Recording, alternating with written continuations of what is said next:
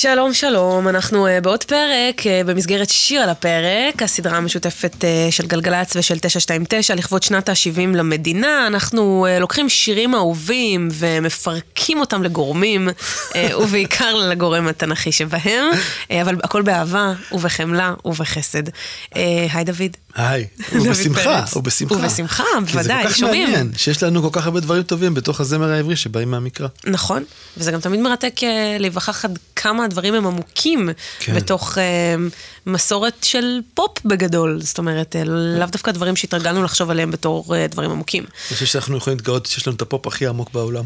איזה כיף. אמ, תשמע, אנחנו הפעם הולכים על ספר דברים, שהוא לא הספר הכי אהוב אה, במסגרת אה, חמשת אה, חומשי התורה. תשמע. הוא לא מרתק כמו ספר בראשית, בסך הכל סיכום של האירועים הקודמים, פחות או יותר, ובכל זאת מצליח... שמולי קראוס ויאנקלה רוטבליט לחלץ ממנו שיר מאוד יפה. אה, לא, שיר מדהים, אני חושב שזה שיר שאני זוכר אותו, את עצמי בתור ילד ב-83 שומע את השיר הזה, ונפעם ממנו, אני גם חושב שכדאי לזכור שב-83 היה חשש גדול מ-1984 ותשמ"ד, שתבוא, אז הייתה תחושה שכאילו יש סוף עולם קרב ובא, ומאז באו איזה 15 סופי עולם והלכו, אבל, אה, אבל, אבל אז, בתור ילד לפחות, בגיל בר מצווה הייתי, אז זה היה ממש אה, חוויה חזקה לשמוע את השיר הזה, ולמרות שלא הבנתי בו אף מילה. זאת אומרת, לא הבנתי מה הקשר, מה, מה המילים מספרות, חשתי בצורה, הייתי אומר, תת-עורית, את ההבנה של מה השיר הזה עוסק בו. מה חשת אז? שיש איזושהי כמיהה שכל החיים שלך אתה חי איתה, ואתה חי עם התחושה הזאת, אתה מחפש משהו, זה התחושת חיפוש הבלתי פוסקת, הצורך הזה למצוא משהו ולהבין שלא מצאת אף פעם. אז אנחנו מדברים על אה, רואים רחוק, רואים שקוף. היה כל כך הייתי אז מוכרח לפרוס כנפיים ולעוף מקום שיר שכמו שאתה אומר, נוכחת בו אווירת סוף העולם, אולי בהשראת אה, תשמד, אה, אותה שנה שבה הכל היה אמור להיות מושמד, ובסופו של דבר לא הושמד. אה, דברים ל"ד, ויעל משה מערבות מואב, אל הר נבו, ראש הפסגה אשר על פני יריחו, אה, ויראו השם את כל הארץ.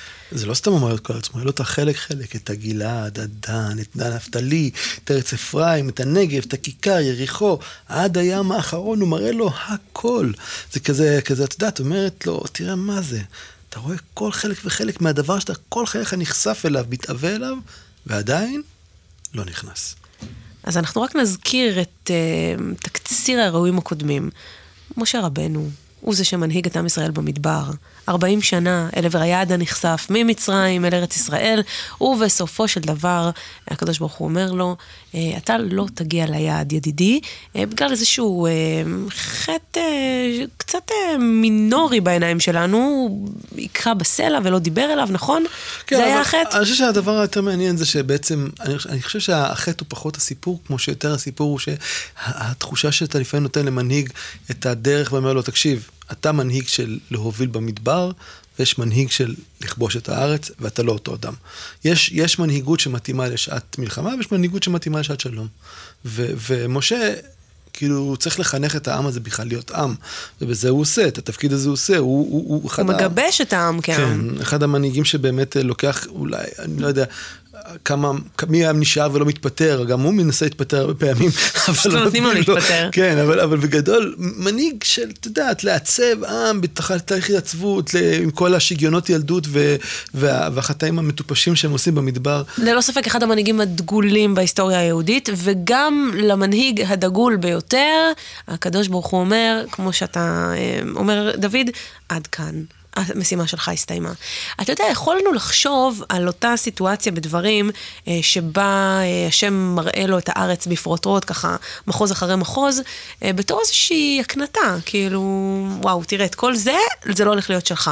אבל כשאני חושבת על זה שוב, יש פה גם המון אה, אהבה בתוך מערכת היחסים המאוד אה, מורכבת בין השם אה, למשה, נכון? כן, תראי, להראות את ה... את ה...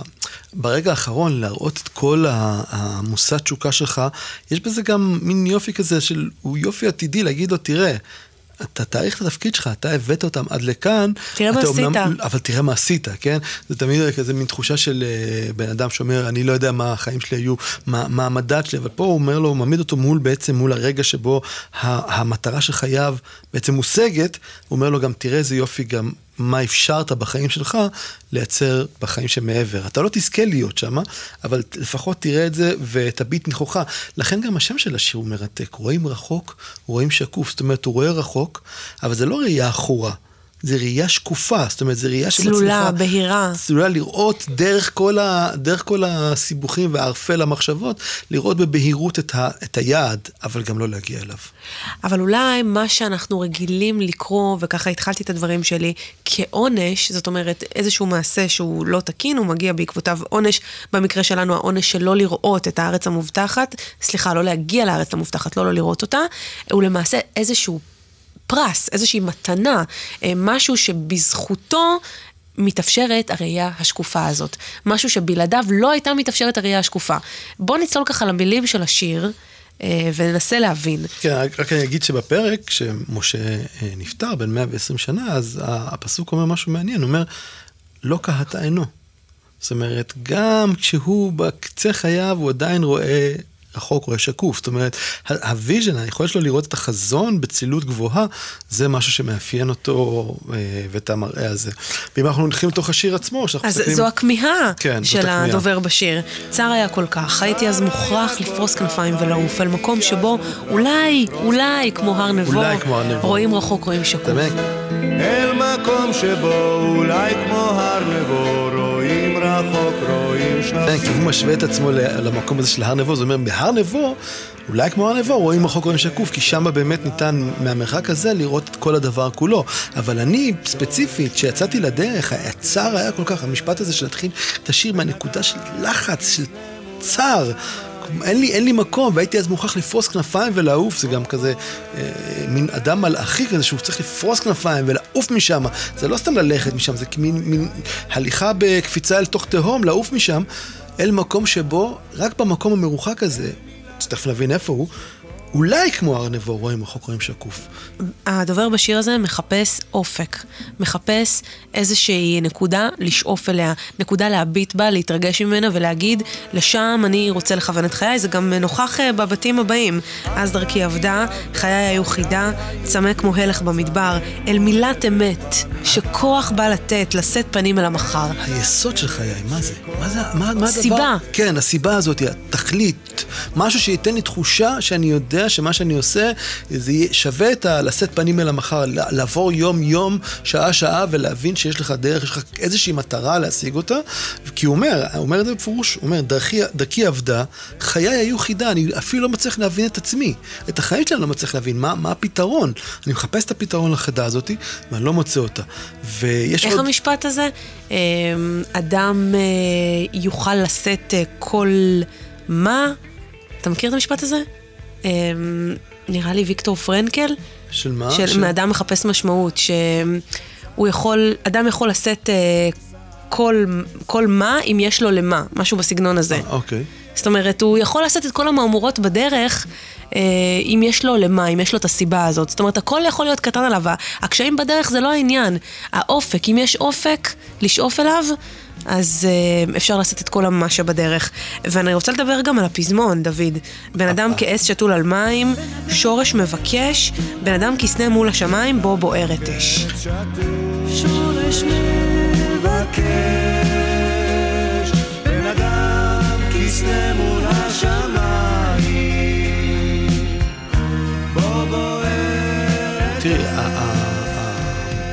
הפזמון הוא, הייתי אומר, הוא הנקודה שבה השיר נותן לך את הפתרונות של החידה באיזשהו מקום, אם את רוצה את השאלות האלה. אה, כי, כי מה הוא אומר? יש פה בן אדם ששתול כעץ על מים. עכשיו, עץ ששתול על מים זה תחושת עושר אינסופית, הרי... זה אגב ציטוט מתהילים. כן, ויש לך את התחושה שאתה, הצדיק, כן, לצורך העניין, מקבל את היציבות הזאת שבה הוא העץ על מים, הוא אפילו לא צריך לדאוג ל, ל, ל, למזון שלו או לתצרוכת שלו, הוא כאילו מקבל את השפע שמוטל עליו. ודווקא מתוך המקום הזה הוא מרגיש צר כל כך. כן, זאת אומרת, גם בתוך השפע המאוד מאוד הצ... השופע הזה, אתה מבקש שורש. אתה עדיין רוצה שיהיה לך את, ה... את האפשרות לגדל איזשהו משהו שייתן לך תחושה של משהו עמוק באדמה, ומעבר לזה, הוא גם אומר, בן אדם כסנה מול השמיים, בו בוערת אש. עכשיו, זה כל כך מרתק, כי הוא שוב שוזר את הסיפור של משה לתוך השיר הזה, כי מה הוא אומר? הוא אומר, הנה, תראו, משה, בתחילת חייו, איפה הוא הפך בעצם להיות המנהיג? שהוא בעצם נתקל בסנה. הסנה הבוער הוא סימבול או איזשהו סמל לכל הקריירה של משה, כי מה הוא אומר? אם אתה בעצם סנה בוער מול השמיים, הרי אתה אינך קלה.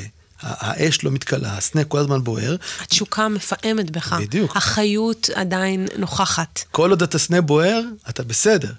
כשאתה תפסיק לבעור, או לאחל, כאילו כשהאיזון הקוסמי הזה בין הקסום, קוסמי קסום, אם תרצי, בין הבעירה לבין העובדה שהבעירה מכלה את החומר שהוא בוער ממנו. כל עוד אתה, הבעירה הזאת עדיין אתה מצליח לייצר איזשהו איזון של מים כזה, של, שבו הבעירה לא מכלה את החומר שממנו היא בוערת, אז אתה עדיין בתחושה של תכלית ומטרה. מתי הבעיה מגיעה? כשבאמת התחושה היא שאחד מהצדדים מפר את האיזון, כאשר אין לך את, הש... את, את התחושה הזאת שיש לך תכלית. ואחד הדברים המרתקים בעניין הזה של אה, חיפוש אה, ואיזשהו אה, מרדף או מסע אל עבר איזושהי נקודה, היא העובדה שברגע שאנחנו מגיעים למקום מסוים, לאותו מקום נחשף, אז משהו בנו נכבה, נכון? אנחנו ממלאים את המטרה, מסמנים את ה-V, ופתאום מרגישים ריקנות מאוד מאוד גדולה. וזו תחושה שאם חושבים על זה, נמנעה ממשה אה, באותה סיטואציה שבה לא התאפשר לו להיכנס לארץ. זאת אומרת, הוא עדיין הרגיש את הכמיהה, עדיין הרגיש את הציפייה, ועם אותה ציפייה אה, הוא הולך אל מותו. זאת אומרת, עם הציפייה, עם התשוקה, וזה מדהים ההיפוך הזה שעושה כאן אה, רוטבליט אה, בעצם בסיטואציה התנ"כית שאנחנו כל כך מכירים, כמו שאמרתי קודם, ממקום של עונש למקום של בעצם זו הנקודה הנכונה לחיות בה, זה המצב הנכון לסיים איתו את החיים, לא במימוש, אלא בכמיהה, בגעגוע. וזה בעצם הסיפור של הלב והמעיין של רבי נחמן. אנחנו לא נפרט פה את כל הסיפור, אבל uh, רק נגיד שרבי נחמן בעצם טוען שמה שמחזיק את העולם הזה הוא הכמיהה.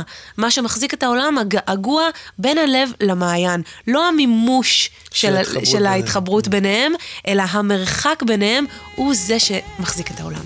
או בגרסתה של קיי די לאנג, Constant Craving, שזה שיר שעוסק באותו דבר גם כן. אז... אה... מלב מעיין, רבי נחמן, אבל כן, כולם עוסקים בעצם בתפיסה הזאת של של כמיהה לעומת מימושה. ואני חושב שבסוף השיר, כשיאנקל רוטבליט מחזיר אותנו לבית האחרון, הוא מדבר פה בצורה מעניינת מאוד על, על הדרך שבה הוא, הוא, הוא סוגר את העניין. כי מה הוא אומר בסוף השיר? בערה בי אש. זאת אומרת, התחיל, התחלתי עם האש הזאת, יצאתי לבקש, ימים סערתי כסופה, אני הייתי כולי בתוך הסערה הזאת של החיפוש וה... והרצון למצוא, ואז בסוף של דבר ישבתי אל ביתי למצוא שאת איתי. עכשיו אפשר להגיד שזה את זה אישה, אבל למצוא שאת איתי גם יכולה להיות שהסיבה, שה, או מה שנקרא, הפתרון החידה טמון בתוכך. אל תדאג, החידה, לך איתה, תעשה מזה סרט, הוא כתב בשיר אחר שלו, בסוס עץ. אז אולי כן, הוא מבין, החידה הזאת היא שלך, של רוטבליט, או של בכלל, של כל אדם שמחפש ומבקש, היא איתך כל הדרך. התשובות הן כבר בתוכך, אתה רק צריך לעשות את הדרך הארוכה. אל תחפש רחוק, תישאר קרוב. אתה חייב לחפש רחוק בשביל שתוכל להישאר קרוב, זה מה שהוא אומר. הוא לא אומר, אל תחפש קרוב, הוא אומר, תצא לדרכים, לך, תגיע עד קצות העולם, כי רק שם תבין שמה שהיה לך בתוכך זה מה שחיפשת כל הזמן. ולכן אתה צריך לעשות את הדרך הזאת, להשתוקק אל החוסר תשובה הזאת, לעובדה שאתה תדע שבסוף לא בטוח שתהיה תשובה, אלא שכל החיים הם התשוקה שבין הלב לבין המעיין. ואולי העניין הוא בכלל לא התשובה, כמו שאתה אומר, העניין הוא, הוא המסע, הדרך, החיפוש, התשוקה, הכמיהה. אולי האט הזה, למצוא שאת איתי, אה, למעשה זו הכמיהה, התשוקה. עד בוא הדרך אל סופה. עד בוא הדרך אל סופה. איזה שיר יפה זה, אה? שיר מדהים. וגם הביצוע של מאיר בנאי, ש- שלדעתי קרה בשנות האלפיים, משהו כזה. כן, אבל זה שיר, שם הוא מתחבר מאוד אל התחושה של המסע המתבקש.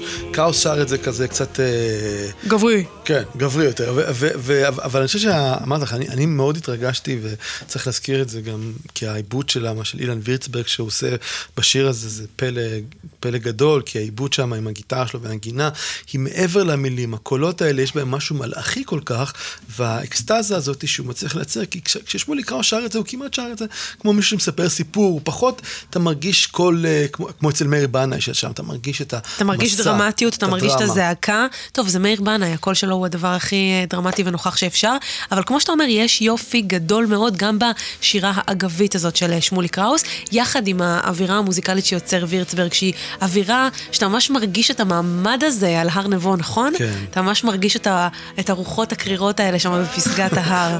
מה שיפה זה העניין השילובי הזה, אני חושב שהדרך פתוחה לדואט של קראוס ובנאי. למעלה שם בשמיים. בשיר הזה, כן.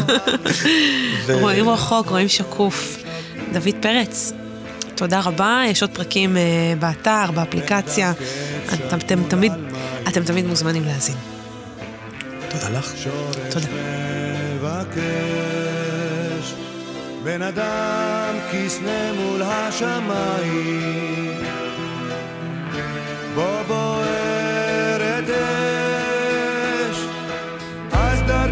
עבדה חיי היו חידה צמא כמו הלך במדבר, אל מילת אמת שכוח בא לתת לשאת פנים אל המחר.